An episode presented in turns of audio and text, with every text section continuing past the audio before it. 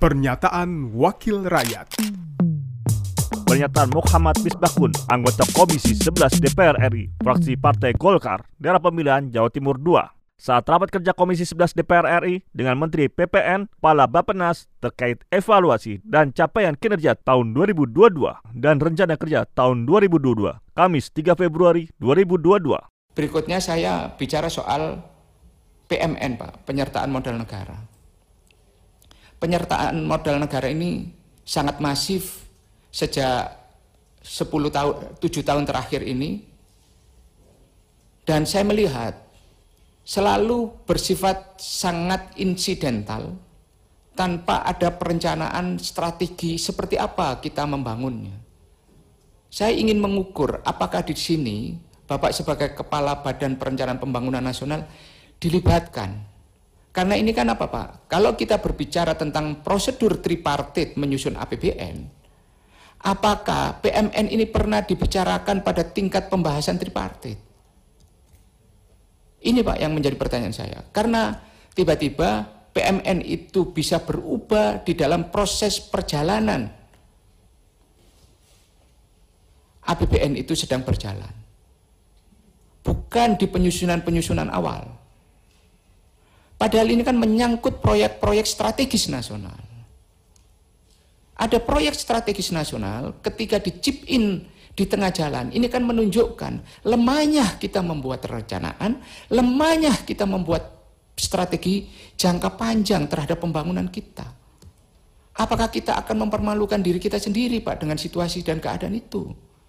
Kita mengatakan punya proyek strategis nasional, tetapi perencanaannya kemudian itu seakan-akan kita tidak punya strategi. Bagaimana mungkin Pak sebuah contoh sederhananya Pak, kereta cepat yang masuk program perencanaan strategi nasional, proyek strategi nasional, kemudian di tengah jalan yang tadinya tidak melibatkan APBN kemudian menjadi melibatkan APBN melalui mekanisme PMN. Kami ingin menjaga, ingin mengawal pemerintahan ini, Pak. Sehingga kami harus membangun narasi yang baik, narasi yang elegan, yang bisa diterima oleh nalar publik dengan penjelasan-penjelasan yang masuk akal. Tetapi kalau kemudian kalau logikanya melompat-lompat, kami sendiri kan juga tidak bisa kemudian menjelaskan dengan baik ke masyarakat.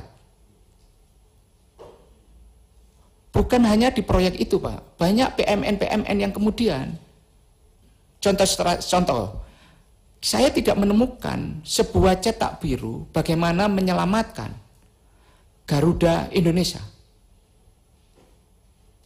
Career flag, model bisnisnya akan dibuat seperti apa? Ya kan? Apakah tetap akan dijadikan sebuah desain penerbangan nasional, model penerbangan nasional dengan bisnis model yang berbeda, hanya tidak tidak pernah berbicara lagi profit atau tidak, tetapi dia akan menjadi carrier flag yang akan mengantarkan manusia dari seluruh penjuru dunia ke wilayah Indonesia.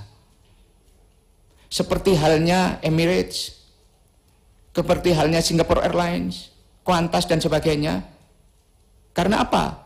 Mereka sudah tidak berbicara tentang bagaimana buku mereka, tetapi bagaimana negara mereka dikenal kemudian mereka mempunyai kebanggaan nasional yang mengantarkan orang-orang yang ingin mencapai Indonesia, walaupun ada penerbangan-penerbangan yang lain. Pemerintah mereka membicarakan soal subsidize, misalnya di Emirates, mengenai uh, fuel mereka. Singapura berbicara bagaimana Singapore Airlines connecting the world untuk menjadikan Singapura adalah hub bagi dunia internasional di kawasan dan di regional. Saya tidak menemukan itu, Pak. Kita chip in kepada uh, Garuda Indonesia, terus kemudian orang berbicara tentang kebangkrutan, berbicara tentang kepailitan, seakan-akan kita tidak punya strategi bagaimana membangun industri penerbangan nasional yang berbasis kepada national carrier flag.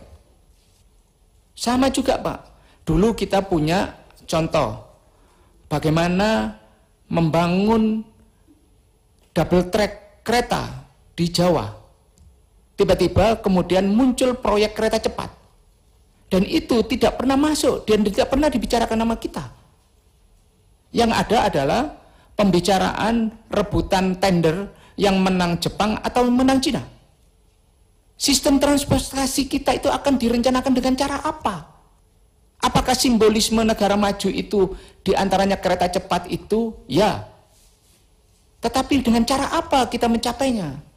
Apakah langsung kita melompat ke, dari kereta yang dari Jakarta Surabaya itu 12 jam, kemudian kita melompat dari Jakarta Surabaya itu menjadi cuma sekitar 3 jam? Lah, saya menemukan ini, Pak. PM kemudian semuanya dibiayai dengan PMN. Bagaimana industri dirgantara kita, bagaimana industri kita membangun tol laut, terus kemudian bagaimana industri pertahanan kita Semuanya saya menemukan itu adalah proyek yang sangat-sangat tergantung kepada siapa yang memimpin kementeriannya, siapa memimpin kelembagaannya, dan bagaimana dia bisa bernegosiasi dengan Menteri Keuangan untuk mendapatkan akses anggarannya. Akhirnya begitu, Pak. Akhirnya kan kalau seperti ini, kuat-kuatan. Kuat-kuatan apa? Kalau menterinya kursinya banyak, menterinya akan memperhatikan. Kalau kursinya sedikit, itu akan disia-siakan. Apakah cara begini cara kita membangun strategi pembangunan nasional? Lah, ini yang harus menjadi concern, Pak. Bapak sebagai seorang pemikir, seorang politisi yang mempunyai rekod yang sangat panjang, punya pengalaman, dan saya harapkan ini bisa menjadi salah satu pemikiran kita ke depan. Pernyataan Muhammad Misbakun, anggota Komisi 11 DPR RI, fraksi Partai Golkar, daerah pemilihan Jawa Timur 2, produksi TV dan radio Parmen, Biro Pemberitaan Parmen, Sekjen DPR RI. Pernyataan Wakil Rakyat.